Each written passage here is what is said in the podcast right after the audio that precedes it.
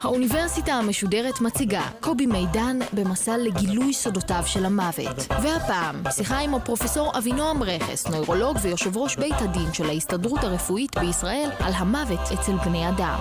שלום לכם. במסע שלנו לשיפור ההיכרות, אם תרצו, עם המוות והצדדים השונים שלו, נגענו עד עכשיו בעיקר במנגנונים הביולוגיים, התאיים, האבולוציוניים של המוות. ניסינו גם להבין איזה מקום יש למוות בעולם החי. האם יש לבעלי חיים תודעת מוות? האם הם מתאבלים? והיום אנחנו מתחילים לגעת בתופעת המוות, מצחיק להגיד תופעת המוות אצל בני האדם. ליתר דיוק, המוות כתופעה רפואית. כי לא תמיד הוא היה כזה, או לא בעיקר כזה. המוות היה פעם לא פחות תופעה אישית, משפחתית, חברתית. ההבלטה של העניין הרפואי בהקשר של המוות דומה קצת למה שקרה בעבר השני של החיים, בלידה, שגם היא הפכה לעניין רפואי קודם כל. אבל מוות רפואי אינו דבר אחד. יש כמה שלבים של מוות, ויש כמה סוגים של מוות, ככל שהדבר נשמע משונה. ועוד יותר משונה שחלק מסוגי המוות נולדו, אם אפשר לומר כך, בעקבות התפתחויות טכנולוגיות. ומתוך כך, מתוך ריבוי הסוגים, צומחות דילמות אתיות מורכבות, התנגשות של מסורת, חידוש, דת, מדע. הפרופסור אבינועם רכס הוא בדיוק האיש לדבר איתו על כך. פרופסור בנוירולוגיה בבית החולים הדסה, באוניברסיטה העברית בירושלים, ויושב ראש בית הדין של ההסתדרות הרפואית. בעבר הוא כיהן כיושב ראש האיגוד הנוירולוגי בישראל, היה חבר במועצה הלאומית לביואתיקה ויושב ראש הלשכה לאתיקה של ההסתדרות הרפואית בישראל. פרופסור רכס, לפני שנגיע להגדרה של המוות, או להגדרות של המוות, יותר נכון, אה, ונדבר על ההבדל שבין מצב של צמח למצב של מוות מוחי, מוות מוחי, מוות קליני, לכל הסוגיות העקרוניות שכרוכות בזה. אני רוצה לפתוח בכמה מילים על היחס למוות, היחס שלנו כחברה, גם בישראל אבל גם בעולם, ככה בפרספקטיבה שלך, מזווית הראייה שלך, על ההשתנות של היחס למוות, נגיד ב-100-150 השנה האחרונות. אני חושב שמוות היה פעם אירוע חברתי. אם אתה חושב על זה, סוקרטס התאבד בנוכחות התלמידים שלו. המוות של סמוראים הוא נעשה בנוכחות הסמוראים האחרים. אני חושב שביהדות ובתרבות שלנו אנחנו מקדשים את החיים.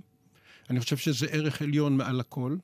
ומוות לדעתי זה לא אירוע נקודתי שמתרחש בנקודה מסוימת, אלא זה תהליך. אני בהרצאות שלי מתאר את זה כאילו טיפת מים נכנסה למשפך, מהרגע שהחל אותו תהליך של מוות של הגוף, מוות של הרקמות, זה אנחנו צריכים להגדיר שהתהליך התחיל והוא אה, בלתי הפיך. זאת אומרת, מוות זה סופו של היותו אדם אדם, מוות של רקמות, אבל רקמות שונות בגוף מתות בקצב שונה מהרגע שהתחיל תהליך המוות. תכף נגיע לרקמות, אבל אני רוצה לשאול אותך עדיין לגבי היחס של החברה, ואני לא בטוח שאנחנו מדברים רק על יחס של החברה היהודית, אולי החברה היהודית-נוצרית, אה, היודו-נוצרית כמו שנאמר, קידוש החיים ואיזושהי הכחשה של המוות.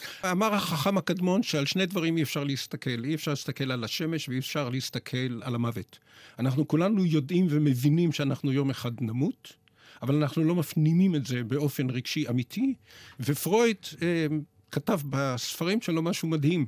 אד... סיפור אמיתי. אדם אמר לאשתו, אם אחד משנינו ימות, אני אעבור לגור בפריז. זאת אומרת, זו דוגמה של... אה, המוות בסופו של דבר הוא בלתי נמנע, הוא החלק האחרון והטבעי של החיים שלנו. אני אישית חושב שאנחנו צריכים לנהל את המוות האישי שלנו, כל אחד ואחד את המוות האישי שלו, באותה מידה שאני מנהל את החיים שלי. החיים הם שלי ואני רוצה לנהל אותם. אז דיברת על, על ההבדל בין רקמות שונות מבחינת אה, מועד המוות. אתה יכול נכון, להרחיב? כן. אנחנו בתפיסה המקובלת, אדם מת הוא אדם שהוא קר, הוא צפוד, הוא כחול, אה, ואין ספק שהוא מת. אבל יש מצבים מיוחדים שבהם האדם מונשם, הלב שלו פועם, הטמפרטורה של הגוף שלו היא תקינה, והוא מת לכל דבר ודבר. וזה מאוד מאוד קשה להסביר את זה. לדוגמה, אדם שסובל ממוות מוחי, ונסביר את זה מיד בעוד רגע, מוות מוחי משמעותו הפסקה מוחלטת של פעילות קליפת המוח וגזע המוח. אדם כזה לא מסוגל לנשום. בתנאים רגילים הוא היה מת תוך דקות ספורות. בטכנולוגיות שקיימות היום, אנחנו הרופאים משחקים אלוהים בזה שאנחנו עוברים על הגבול הטבעי של המחלות. אנחנו מתערבים בחדר המיון, אנחנו מכניסים טיוב, אנחנו מנשימים את הבן אדם, והנה לך אדם שבעצם הוא מת. אתה מטפל בגבייה. כי משום שמוות מוחי הוא על פי חוק, על פי האתיקה, על פי המוסר, זה מוות לכל דבר ודבר.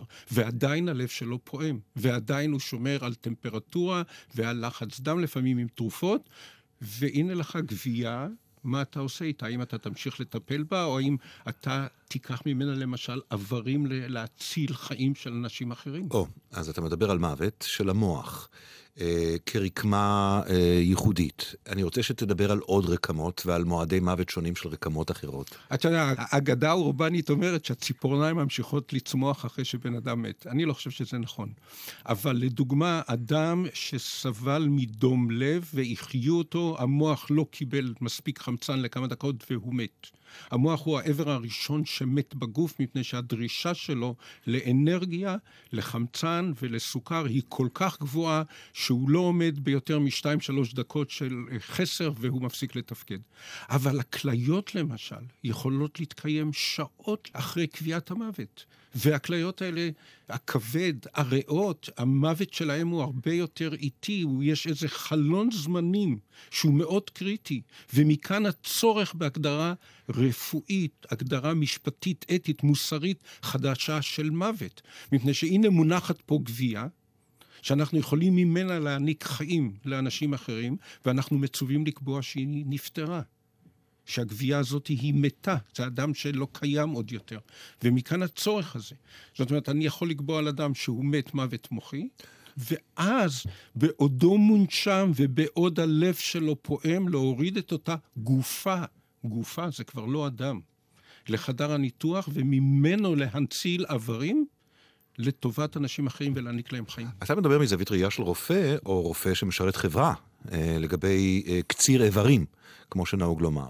אה, נדמה לי שהסוגיה היא רחבה יותר מאשר הסוגיה הטכנית מצילת החיים הזאת, אלא גם שאלה עקרונית, פילוסופית, דתית, לגבי מועד קביעת המוות. היה לי ויכוח עם אחד הפילוסופים של אה, אוניברסיטת בר אילן, באחד מהסמינריונים הרבים שעשינו על מוות מוחי, mm-hmm. והוא אמר לי ככה, אם לחולה יש חום, זה קביעה עובדתית רפואית, אתה תקבע. אם יש לו לחץ דם גבוה או נמוך, זו קביעה רפואית אה, פרקטית. מספרית, אתה, כן. אתה תקבע. Uh-huh. אבל אם הוא מת או לא, זו קביעה רחבה יותר, זו פילוסופית יותר. אני רוצה להשתתף איתך בהגדרה. זאת אומרת, ההגדרה של המוות היא הגדרה שלנו כחברה, הגדרה חברתית. ואז אתה צריך להיות קשוב לקבוצות אחרות בתוך החברה שלנו. אנחנו בתוך החברה שלנו חברה מאוד הטרוגנית. יש הרבה מאוד אנשים חילונים, אני רואה את עצמי חילוני חרד. אבל יש חרדים אמיתיים שלא מכירים, למשל, במוות המוחי. היה צריך לעשות צעדים גדולים מאוד חברתיים, מהלכים שלקחו למעלה משלושים שנה, אני הייתי מעורב בחלק גדול מאוד מהמהלכים האלה, כדי להגיע לאיזושהי הגדרה חברתית חדשה. של מה זה המוות. ולכן יש לנו את החוק של מוות מוחי נשימתי, שחבר הכנסת עתניאל שנלר הוליך ב-2007. בין השאר ההתנגדות למוות המוחי גם בחוגים חרדים, דתיים ואחרים, נובעת מזה שהוא בעצם מוות חדש. אם אפשר להגיד ככה. זה לגמרי... יש לו, יש לו מועד לידה מאוחר למוות הזה. ממש, כשאתה עוקב אחרי הנקודות אה, ציון בהיסטוריה של הרפואה המודרנית בנושא. אני יכול להגיד לך, ורשמתי לי פה לקראת השיחה שלנו, את המועדים. זאת אומרת, ועדת הרווארד וועדת המומחים של נשיא ארצות הברית, זה דברים שהיו בשנות ה-80 של המאה הקודמת. הגדרה של מוות מוחי היא מאז 1981. לפני כן לא היה דבר כזה בכלל ברפואה. מה יילד את ה... או מה הוליד את המוות המוחי? מה שהוליד את המוות המוחי זה היו שני דברים. אחד, הסתכלות והבנה קלינית, שיש הבדל גדול מאוד בין מוות של קליפת המוח ומוות של גזע המוח. וזה מסובך להסביר בזה הרגע, ונעזוב את זה. מוות מוחי זה מוות של כל רקמת המוח. אבל מה שהוביל את זה בעיקר זה החדשנות הטכנולוגיה הרפואית. אנשים שהיה להם מוות מוחי, עד שנות ה-70 של המאה הקודמת, מתו בהיעדר אה, נשימה. אז המציאו את מכשירי ההנשמה הראשונים. ואז פתאום נתקעת במרכאות כפולות עם מישהו שהוא לא בין החיים ולא בין המתים, מפני שאתה מתחזק את המוח שלו עם אמצעים חשמליים. כל עוד יש חשמל בקיר, הוא נושם והוא חי במרכאות כפולות. זאת אומרת, הטכנולוגיה הרפואית מצד אחד אפשרה לנו להעריך את הגבול הטבעי של המחלות, לעבור אותו, ומצד שני נוצר הצורך בתרומת איברים. זאת אומרת, נפגשו פה שני אינטרסים או שני תהליכים אה, חשובים מאוד. יש גם, נדמה לי, אירוניה היסטורית קצת, בזה שטכנולוגיה רפואית מולידה סוג של מוות. זה בהערת אה, סוגריים. אז תסביר לי עכשיו את ההבדל בין מוות מוחי לבין מצב של צמח. קל מאוד. אנחנו נחלק את המוח עכשיו לשני חלקים, קליפת המוח וגזע המוח. Okay. אוקיי. אנחנו מנהלים עכשיו את השיחה בינינו מקליפת המוח. שלי ושלך. אני מייצר את הדיבור מקליפת המוח שלי, אזורי הדיבור, אתה שומע אותם בצד השני אה, של השולחן הזה באזורי השמיעה והפענוח, שנינו בהכרה. שנינו יש לנו תוכן אנושי מפני שאנחנו בני אדם, אנחנו מדברים אחד עם השני. Okay. אוקיי. יש לנו בנוסף לקליפת המוח את גזע המוח. גזע המוח הוא הטייס האוטומטי. תוך כדי זה שאנחנו מדברים, הוא מפעיל את הלב, הוא מפעיל את הנשימה, הוא מפעיל ושומר על לחץ הדם, והוא ממלא פונקציות שאתה בכלל לא יכול לשלוט עליהן, או על רובן הגדול. קליפת המוח וגזע המוח רגישים במידה שונה לחוסר חמצן. אדם שטבע בים, אם מושים אותו מתוך המים, הריאות שלו מלאות מים, הוא לא נשם. אם מושים אותו מספיק מוקדם, יכול להיות מצב מאוד מיוחד, שבו קליפת המוח שלו ניזוקה ולא יכולה להתאושש יותר. אבל גזע המוח שלו, שעמיד יותר לחוסר חמצן, נותר בחיים. זה כי קליפת המוח, אותו חלק יותר מאוחר בהתפתחות, יותר נכון. גבוה בתפקודים. חילוף החומרים שלו יותר מהיר, הוא יותר רגיש לחוסר חמצן, ולכן הוא העבר הראשון שנפגע בגוף מחוסר חמצן. עכשיו, אדם כזה שמשו אותו מהים והביאו אותו לבית חולים, וגזע המוח שלו קיים, מתפקד, אדם כזה בסופו של... הוא בחוסר הכרה. הוא בחוסר הכרה, אבל הוא יוצא מחוסר ההכרה הזה, אנשים לא נשארים בחוסר הכרה לנצח. הם או מתים או מתעוררים למצב של צמח. וצמח זה אדם שגזע המוח מרדים אותו לכאורה ומעורר אותו לכאורה, הוא הולך לישון. הוא הולך לישון ומתעורר, צמח, אבל אין לו תובענה אנושית. הוא פוקח עיניים. העיניים שלו זזות מצד לצד באופן רפלקסיבי, והאימא אומללה, במקרים שאני מכיר, אומרת, אבל הבן שלי מסתכל עליי כשאני נכנסת לחדר. ואתה צריך להסביר לה שזה לא נכון, שזה רק רפלקס. ואנשים כאלה יכולים לעשות תנועות של מציצה בפה, הם יכולים אפילו לבלוע לפעמים מתוך רפלקס, והם נושמים באופן ספונטני, הנשימה שלהם מתעוררת. אדם כזה צמח יכול להתקיים, לא לחיות. אני אומר את המושג להתקיים, כי אני לא בטוח שלמושג חיים יש פה תוכן. יכול לעשות את זה שנים על שנים. טרי שיאבו, המקרה שזעזע את ארצות הברית, הייתה במצב של צמח במשך 15 שנה. היא נשמה ספונטנית. הקיום שלה היה מותנה רק בזה שהרופאים הכניסו לה זונדה, צינורית לקיבה, והאכילו אותה. נתנו לה אוכל מדי יום, היא לא מסוגלת לאכול בכוחות עצמה. אז זה צמח. צמח מבחינה משפטית הוא אדם חי. הוא לא אדם שעל פי ההגדרות היה צמח אה, שישה חודשים.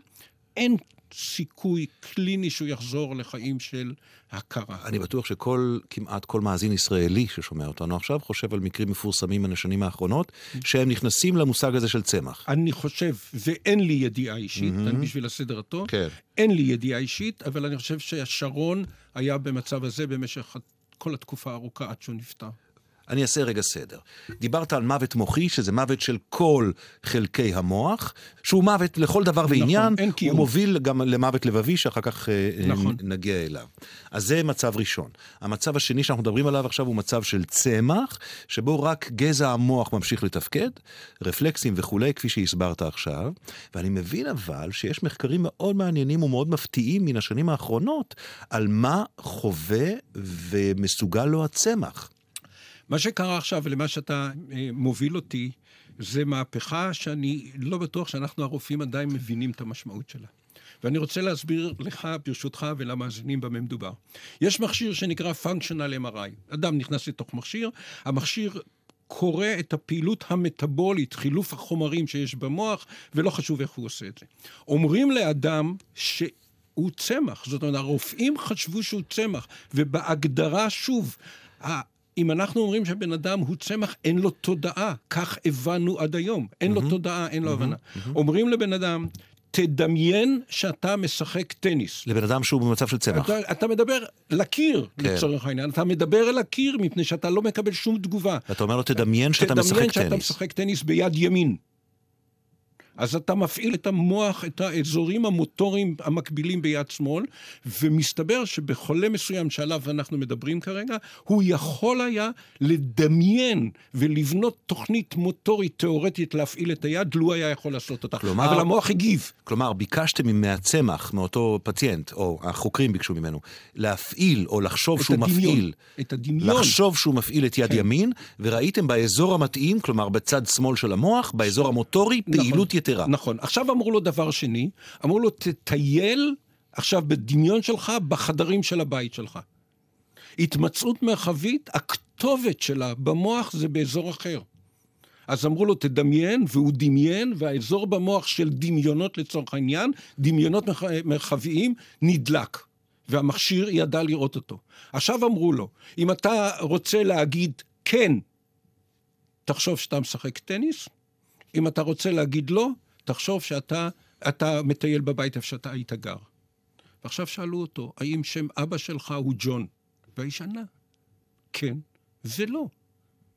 וזה מפחיד לחשוב, מפני שאתה פתאום רואה בן אדם שהיה מוטל, מוטל כשק ערימות במיטה באיזה בית, אה, בית חולים סיעודי, שאתה חושב שאין לו תודעה, אין לו הבנה, אין לו שום דבר, ופתאום מסתבר לך שהוא מגיב לסביבה. למה זה מפחיד?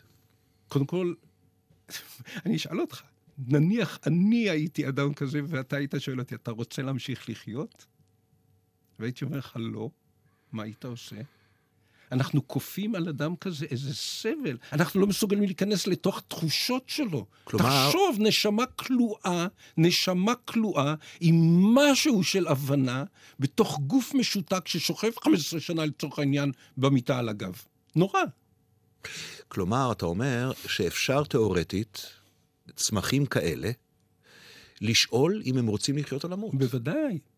בוודאי, אם אתה רוצה שנהרוג אותך, תחשוב שאתה משחק טניס. ואז יופעל האזור המוטורי. נכון, אם אתה רוצה שנמשיך לטפל בך, אתה רוצה להמשיך להתקיים, תחשוב שאתה מטייל בבית. עכשיו אתה מקבל פקודה ממנו, או תשובה ממנו. אתה יודע מה הוא רוצה. קודם כל, הרופא צריך להיות אדם בעל שאר רוח ואומץ משפטי ומוסרי גדול לשאול את המטופל שלו, אבל לדעתי הוא מחויב לשאול אותו. פתאום יסתבר לך שהאיש הוא חי, או יש בו משהו. אבל זה לוקח אותי לעוד מקום שחשבתי שאולי הוא, הוא, הוא זה שמפחיד אותך.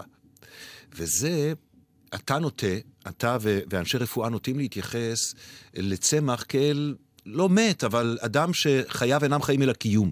נכון. ופתאום אתה רואה שם קיום. בוודאי. אה, קיום יותר משמעותי בתוכו. זיכרון ורצון ויכולת עקרונית של פעולה. תראה, פתאום מסתבר לך, זה נכון. מה, אנחנו מוכרחים לשנות את ההגדרות הרפואיות שלנו, מפני שהוא לא צמח. צמח, אתה יוצא מתוך הנחה שאין לו רגשות, אין לו הבנה, אין לו כלום. אתה פתאום רואה איזשהו נצנוץ של קיום אנושי. זאת אומרת, הוא מבין את מה שאני שואל. הוא עונה נכון.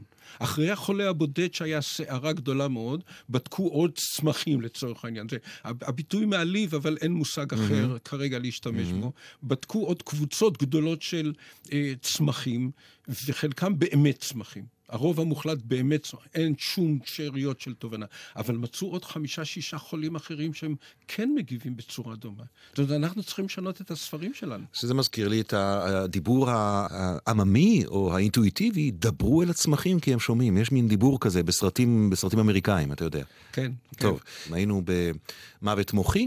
היינו במצב של צמח. אני רוצה לשאול אותך עכשיו, מהו מוות קליני? המוות קליני זה דבר נורא פשוט. אוקיי. לצורך העניין, מותר לי ככה להגיד. ברור, כן. אדם הולך ברחוב, יש לו אה, אוטם בשריר הלב, הפרעת קצב, הלב לא מתכווץ כמשאבה סדירה, ונאמר יש לו דום לב, והמוח לא מקבל אספקת חמצן, הבן אדם מאבד את ההכרה שלו תוך uh, שניות ונופל על הרצפה מת.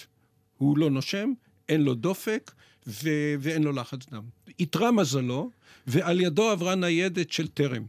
קופצים ממנה שני מדיקים, פעם מדיקים, אה, חובשים מיומנים, מזהים את הבעיה על המקום, מכה על החזה, הנשמה, הלב חוזר לתקנו, המוח לא הספיק להינזק, הוא רק איבד את ההכרה.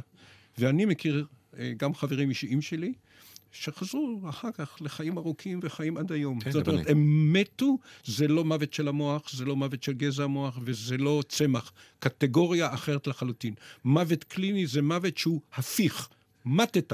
מישהו בא בחלון זמנים הקצרצר של השתיים, שלוש דקות שעומדות לרשותו, הציל אותך וחזרת לקהלותך. ונשאר לנו עוד מוות אחד, והוא המוות הלבבי. המוות הלבבי זה אותו המוות, אה, אם מותר לי לקרוא לו אה, קלאסי במרכאות כפולות, זה אותו מוות שהיה מקובל אה, מאז ומתמיד, לפני שהמציאו את מכשירי ההנשמה. גוף צפוד, גוף קר, אין בו אנרגיה, אין בו פעילות של שום דבר, מת. לחלוטין. זהו המוות. כן. כאשר... גם מ... מוות מוחי, גם צריך להגיד, לא, לא, לא הדגשנו את זה, אתה רמזת, אבל מוות מוחי גם כן הוא לא מוות שאדם יכול להישאר מונשם עד אין קץ. הרקמות האחרות בסופו של דבר מצטרפות לתהליך המוות שהמוח החל בו. וגם הלב, שהוא עובד כשהמוח מת, הוא עובד בסדר, בחלון זמנים שבדרך כלל נמדד בשעות אחדות. אחר כך כבר צריך להתערב בתרופות כדי לשמור אותו, ואחר כך גם אי אפשר לעשות אותו. זאת אומרת, כל הגוף נכנס לאותו משפך בזמנים של תהליך המוות. טוב, אז מהי הבעיה האתית בתוך uh, מגוון דרגות המוות האלה?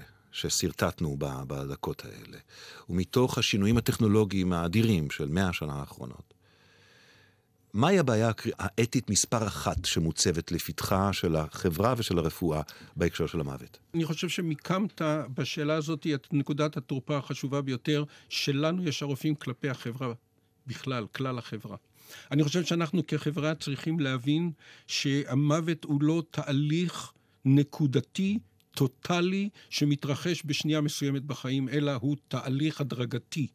התהליך מתחיל במוות של המוח, ומסתיים במוות של הלב, כשיש פער של שעות בין שני המצבים האלה, אבל מהרגע שהתחיל המוות המוחי הוא בלתי הפיך. וצריך, אנחנו צריכים כחברה לקבל את העובדה שמהרגע שהתחיל תהליך המוות ונקבע מוות מוחי, זה תהליך שהוא בלתי הפיך. אין סיכוי בעולם, ולא היה מעולם אדם או תקדים שמישהו שקבעו כראוי מוות מוחי שחזר לחיים. אין דבר כזה. ויש לנו עכשיו חלון של הזדמנויות, שאנחנו הרופאים מחויבים ואין לנו שום אינטרס אחר אלא טובת החברה. בחלון הזה שאתם החברה, אתם, הציבור, תתירו לנו הרופאים, בחלון הזדמנויות הקטן הזה של כמה שעות, לקצור איברים, להנציל איברים מתוך אותו מת לטובת אנשים אחרים שאחרת ימותו. זאת הסוגיה ה... אליה הכל מתנקז, הרי קביעת המוות לכשעצמה היא יכולה להיות עניין אקדמי, אבל לא זאת מהות העניינים. מהות העניינים היא איך מתת ומתי, והאם אפשר להציל בגופך המת חיים אחרים. טוב, הסוגיות האתיות הללו מורכבות מאוד ומרתקות מאוד, ולכן נקדיש להן שיחה נוספת בשבוע הבא, השיחה השנייה איתך, הפרופסור אבינועם רכס. תודה רבה בינתיים. תודה רבה. Ba-da-ba-ba-ba האוניברסיטה המשודרת. קובי מידן שוחח עם הפרופסור אבינועם רכס, נוירולוג ויושב ראש בית הדין של ההסתדרות הרפואית בישראל, על המוות אצל בני האדם. מערכת האוניברסיטה המשודרת, מאיה להט קרמן, ליאור פרידמן, אורן הוברמן וגיא עופר. האוניברסיטה המשודרת, בכל זמן שתרצו, באתר ובאפליקציית גל"צ, וגם בדף הפייסבוק של האוניברסיטה המשודרת.